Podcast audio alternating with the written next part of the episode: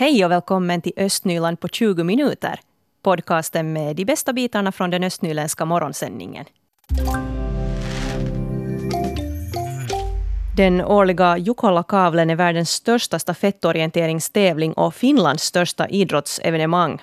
Och år 2022 så ordnas tävlingen i Borgo och förberedelserna är redan i full gång. Här står jag på en åker i Ebbo tillsammans med vice tävlingsledare Jari Johansson och du är alltså vice tävlingsledare för Borgo Jukola som kommer att ta plats år 2022 exakt här var vi står. Kan du berätta vad är det som ska hända just här? Eh, no, det här kan man säga att det här är bibon för, för Jukola att här är det som allt sker. Här är, här, här är publiken, här är vår service, här är tältor för tävlanden, eller för lagen, här är mål och, och växlingsområde och så vidare.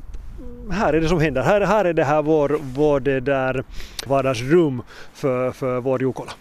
Vad betyder det för föreningen OK3 att få ordna ett sånt här evenemang? Det är många saker förstås. Det är en jättestor utmaning och det är också en stor ära att få arrangera Jukola för det, man kan säga att det är en gång under vår livstid som det är i Borgo. Så att det är en stor satsning, eh, stor möjlighet och mycket, mycket jobb. Vad har ni hittills, vad har ni hunnit göra? Många saker har gjorts vi har börjat redan förbereda 2016 eh, när vi började fundera på och sen 2017 lämna in ansökan och 2018 fick vi veta att vi får Jukola så att det är nu tredje, tredje eller fjärde år som vi håller på med det här Jukola redan att, att det där samarbetsförhandlingar med staden förstås. Det har varit oerhört viktigt att, att få så god samarbete med, med staden att, att utan, utan stadens stöd skulle det aldrig bli Jukola, Jukola här. Och man tänker övrigt med alla andra kommuner också som är, det är bara Borgos sak utan det är sak för hela, hela Östnyland det här Jukola. Mm. Vad är på gång just nu? No, det som vi gör nu, äh, marknadsföringen och kommunikationssaker som vi planerar. Äh, planering av det här tävlingscentralen, den pågår fullt och det där kartan är mer eller mindre färdig. Okay. Banorna, banorna börjar vara i ganska bra form, redan preliminärt planerat hur våra banor kommer att vara här och på alla fronter går vi vidare. Vad är det viktigaste man ska tänka på när det kommer sådana enorma mängder folk? no, jo, uh, no, vi har tänkt att, att 20-25 000 men där, däremellan är det publiken som, eller deltagare, man, andelen som vi har tänkt att skulle vara här. Okay. Men, men stora saken blir ju förstås logistiken, att, att flytta människor uh, till TC och här in, inom områden, det det det är en jättestor sak. Att, att, eh, sen efter det kommer alla andra utmaningar också. Har det redan anmält sig några frivilliga som vill vara med och, och arrangera det här? Jo.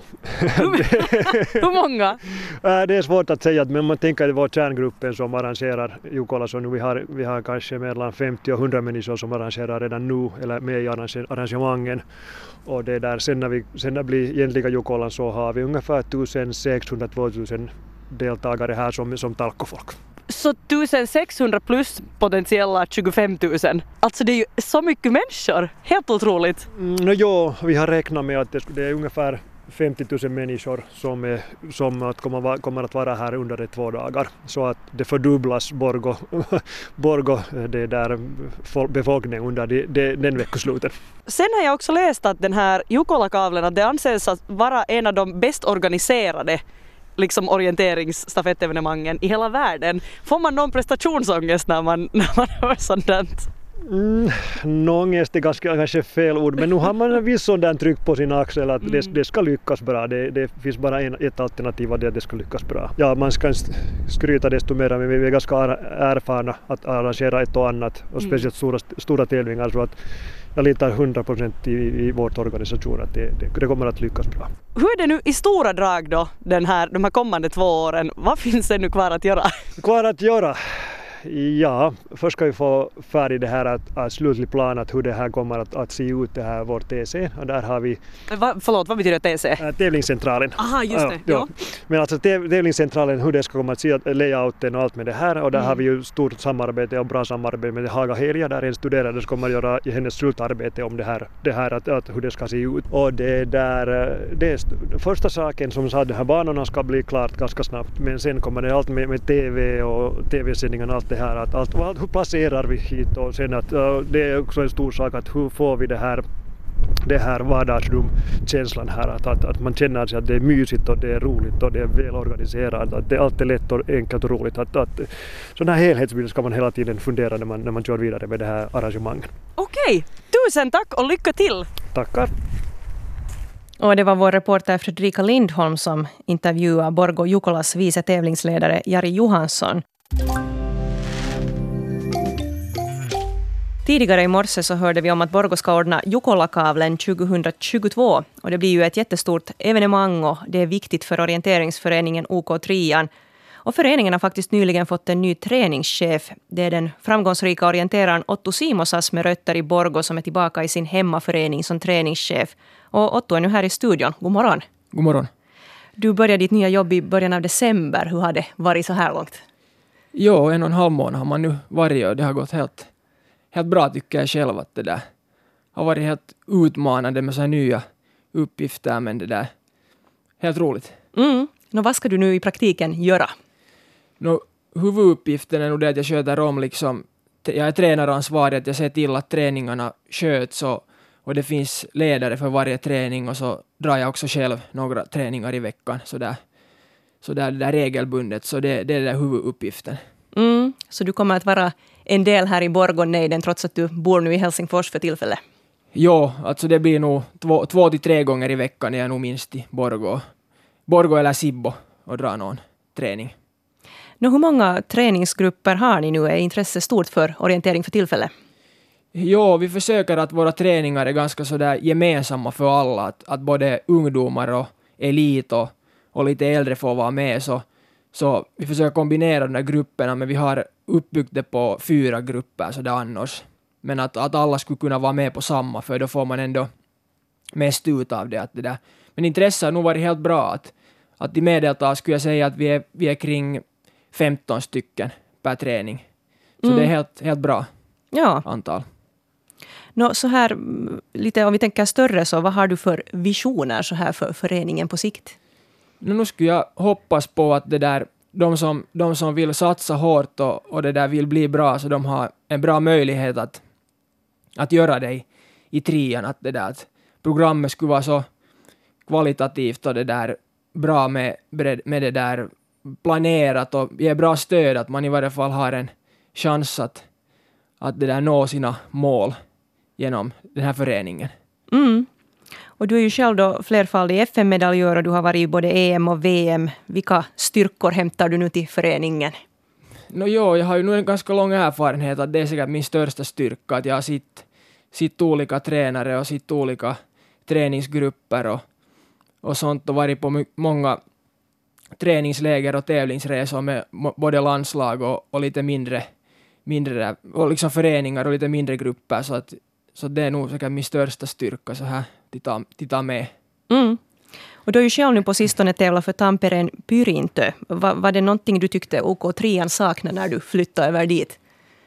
Nå, det kanske kom lite sån där vägg emot på det sättet att vi 2016 egentligen uppnår ganska bra placeringar med trean och, och det där. Så kände jag sen efter ett år att det där att kanske det var liksom taket kom emot på ett sätt att, att för att sen kunna kämpa riktigt om segern i typ Jukola och sånt där, så, så då, då, då saknades det lite och det var sen den där största orsaken till att jag ville byta ännu testa på något nytt. Och det där. No, vi har inte ännu vunnit Jukola med Pyrinto, men vi var tredje nu i fjol, så att vi har nog varit ganska nära. Ja, så är det här något du som träningschef nu vill jobba för att, att OK3 också ska, ska nå sån här standard som, som Tampereen Pyrintö? Nå, det, det, det är kanske svårt att uppnå riktigt den standarden, men att nog ett, ett lyft helt klart, så det är nog helt, det är ett, ett mål och det där. Och det, det är nog liksom viktigt nu att jobba med de där lite yngre och få dem att, få dem att utvecklas, att det är liksom så som man bygger bäst upp en, en liksom förening, tycker jag. Och ja, Otto, vi pratade här lite i pausen om att du, du har nog inga fritidsbekymmer med tanke på att du både ska träna och också hinna, hinna träna själv och så också tävla. Jo, nej, det är nog, det är nog ganska full, fullspäckat program. Att det där. Men det är helt bra, jag är nog, jag är nog van med det så att det där, det, passar nog mig helt bra. Ja, och du nämnde här att du tränar varje dag, så, så det är ju att hålla formen. Vad vad har du för viktiga tävlingar här nu på kommande? Nå egentligen de där viktiga tävlingarna kommer sen först i, i april och därifrån vidare, men det där nu är här en två, tre månader tid och vin, för vinterträning och, och det där. Jag har själv inplanerat några, några läger här för, för vintern att, att ska till Spanien och, och Danmark som, som, är, som, är, som är det där viktiga träningsveckor för mig, men, men annars är jag nog bara här, här i hemtrakterna och, och tränar. Att I varje fall för tillfället är det ganska bra förhållande att löpa både i ute det där på, på asfalt och i skogen så att man, man kan inte på det sättet klaga.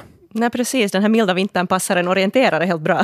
Jo, det måste man nog säga att, att det är ju vått i skogen och så där men att, att det där det är ändå det är ändå bra att man kan köra, köra det där grenspecifik träning ganska långt nu in i vintern vilket kanske inte riktigt meningen men man ska inte klaga nu. Ja. No, men vad har du för mål nu då den här säsongen? Nå, nu har jag som mål att, att kämpa om VM-platserna till Danmark sen i början av juli. Att det där. Man har ändå varit med i VM och EM förut så målen måste nog vara höga att man orkar hålla i. Mm, precis.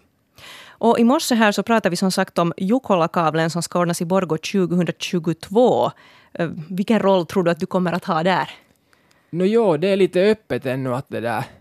Att eh, jag är inte riktigt själv ännu så där kan säga, kan säga liksom exakt vad jag ska göra, att kommer jag vara där som en, en löpare eller som en arrangör, men att det där det, det blir nog klart här inom kommande, kommande åren att, att som sagt den där själva tävlingsterrängen är ju en sån här träningsförbud så dit har inte någon fått, fått vara på över två år så att på det sättet skulle jag nog få, få springa men, men vi ska lite se vad som om det kommer någon intressant uppgift så kanske jag står över. Ja, precis. Ja. Du sa att man har inte fått träna där nu, men hur, hur bekant är den här terrängen för dig från tidigare? Nå, i delar av terrängen har jag ju nog sprungit förut, att, att sen delar är, helt ny, ny, som man har gjort helt ny karta över, så det, det har jag aldrig varit i, men att, men att visst så, vissa delar av terrängen har jag nog varit, varit i, men att, men att det där, då om den är ett, ett, ett träningsförbud och man inte på det sättet har så jättemycket, ska vi säga, så där hem, hemmafavör, så, så får man, får man nog vara, vara med, men, men jag har inte riktigt bestämt mig ännu att hur mycket hemmafavör skulle jag, skulle jag ha. Exakt, ja, ja. Men vad tycker du så överlag om, om terrängen? Är det en bra terräng vi erbjuder här nu för Jukola-kavlen? nu är det en bra terräng att det där, den är inte på det sättet kanske så där jätteextra att, att, att de flesta så där, i varje fall eli- elitlöparna, så kan den där terrängtypen, för den är ganska vanlig här i södra Finland, var liksom arrangeras mest tävlingar, men, men det är ändå ett nytt terrängområde som inte har använts nå jätteofta till några tävlingar. Som sagt, vissa delar av området är helt nytt, så att, så att det är nog ett bra område och passar nog för, för Jukola. Mm. Och ni är säkert alla ser jättemycket fram emot det här nu inom föreningen. Jo, att det är ju nog, det är ju nog stort det där. Stort, stort evenemang och det, det tar ju nog mycket tid att, att det där planera och arrangera och för, förbereda, förbereda det där. Att, att det där. Jag tror att, att de flesta liksom kanske inte ens ännu vet att, att det där, liksom fattar att hur, hur stort det är. Att förstås de som har varit med förut, men just det där från arrangörssidan, så hur mycket tid det tar, så det är nog, det är nog stort. Mm. Och det är ju faktiskt då 1995 senast som Jukola-kavlen var här i Östnyland i Sibbo och då var du bara tre år gammal. Minns du någonting av det här? Jo, det där, jag har, jag har därifrån ganska sån här, ro, eller inte vet jag roligt minne, men så jag faktiskt kommer ihåg att, att jag var då tre år och, och det där, det var mitt första Jukola som jag var med på så att säga med föräldrarna som har tagit med mig och på det här stora tältområdet som, som folk då tältar så tappade jag bort mig då som treåring. Oj nej. Att jag gick liksom då ifrån vårt tält och det där. Och sen blev man lite i panik kommer jag ihåg och sen var det två kvinnor som, som jag inte på något sätt känner så de sen då lyfte upp mig och, och förde mig dit till vårt tält. Att, att det där, en liten sån episod kommer jag faktiskt ihåg från, från, som treåring. Oj, oj. Du hade inte karta och kompass då på den tiden. Nej, nej det, var inte, det var inte ännu, det, det kunde man inte ännu då använda. Nästan 50 procent av rektorerna i Finland är utmattade eller löper risk för utmattning. Det här visar en ny undersökning. Knappt 600 grundskole och gymnasierektorer har svarat på en enkät där de har fått frågor om hur de ser på sitt arbete och om sina känslor kring jobbet. Jan-Erik Holmqvist han är rektor i Söderkulla skola i Sibbo och han har jobbat som rektor i 30 år. Och han säger att han aldrig har varit utbränd men att han också har upplevt utmaningar som rektor. Och så här berättar Holmqvist om vad som är det roligaste med hans jobb. No, att äh, ingen dag är den andra lik. Det är, jag, in, jag är den typen som vill hela tiden ha liksom, nya utmaningar och, och, och det där. Göra saker som, som det där är utmanande. Så att på det viset är rektorsjobbet ett perfekt jobb för mig, för ingen dag är den andra lik. Att man får alltid vara eh, en sån här lite uppfinnare. Och sen det att man har den här möjligheten att själv lite bestämma över sin tid när jag jobbar och när jag gör saker och ting. Att det är inte allting sådär schemalagt. Jag, jag har deadline, massor med deadliner och då ska jobbet vara gjort. Men när jag gör det så det är väldigt mycket upp till mig själv. Jag har en möjlighet, på det viset möjlighet, åtminstone i viss mån. Ibland blir det ju liksom att, att det som jag borde göra ryms inte inom det tidsspannet som är till förfo- står till förfogande och då blir det ju liksom att att prioritera vad är det viktigaste av det som är viktigt. Och det tycker jag har lärt mig under åren att, att är det mycket en dag så då gör det som är det mest viktiga och det som är mindre viktigt så lämnar jag. En del blir det helt och hållet oskött eller så gör det någon annan gång. Vad skulle du säga är de största utmaningarna? Största utmaningarna är nog det att man måste kunna se helheter, att man inte gräver ner sig i detaljer. En ny rektorsbarometer visar att nästan hälften av alla rektorer är utmattade eller har risk för att bli utmattade, medan den andra hälften är ivriga och motiverade inför sitt jobb. De som har risk för att bli utmattade är också motiverade, men känner också att det finns många utmaningar. Det här visar en enkät där rektorer själva har fått svara på frågor kring sitt arbete och sina känslor kring arbetet. Katarina Salmela Aro, som är forskare och har varit med och gjort undersökningen, berättar att den nya vinkeln i det här är att man också fokuserar på känslor och kognitiva funktioner, som till exempel minnet hos rektorn. Ja siihen, niin kuin mä sanoin tuossa, että just tämmöinen uusi näkökulma tähän uupumukseen tuo esille myös sen, että siihen liittyy läheisesti myöskin tunteiden säätelyn ja kognitiivisen toiminnan haasteet. Jan-Erik Holmqvist säger att han inte känt sig utbränd. Han har jobbat som rektor i 30 år och har sett hur arbetet har förändrats med tiden. Press känner jag nog av, men, men som person så är jag nog inte den som tar det där stress över saker och ting sådär i första taget. Jag har nog inte någonsin känt en, en det där, haft en sån känsla av att jag skulle känna mig att jag skulle vara utbränd. Trots att jag har haft jättemånga jobbiga år, det kan jag säga under mina 30 år som rektor så är det många år och många utmaningar jag har haft. Men på något sätt så tror jag att min personlighet är ganska lämplig för rektorsuppdraget. Hur tycker du, du sa att du jobbat som rektor i 30 år. Ja. Hur tycker du att dina, ditt arbete har förändrats? Nu no, är det ju jättestor förändring.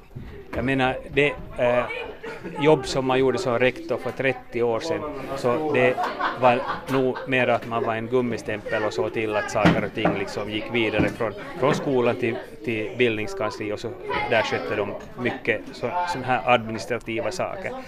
Eh, och det där, sen var det nog det att bara se till att skolvardagen fungerar, det har det alltid varit.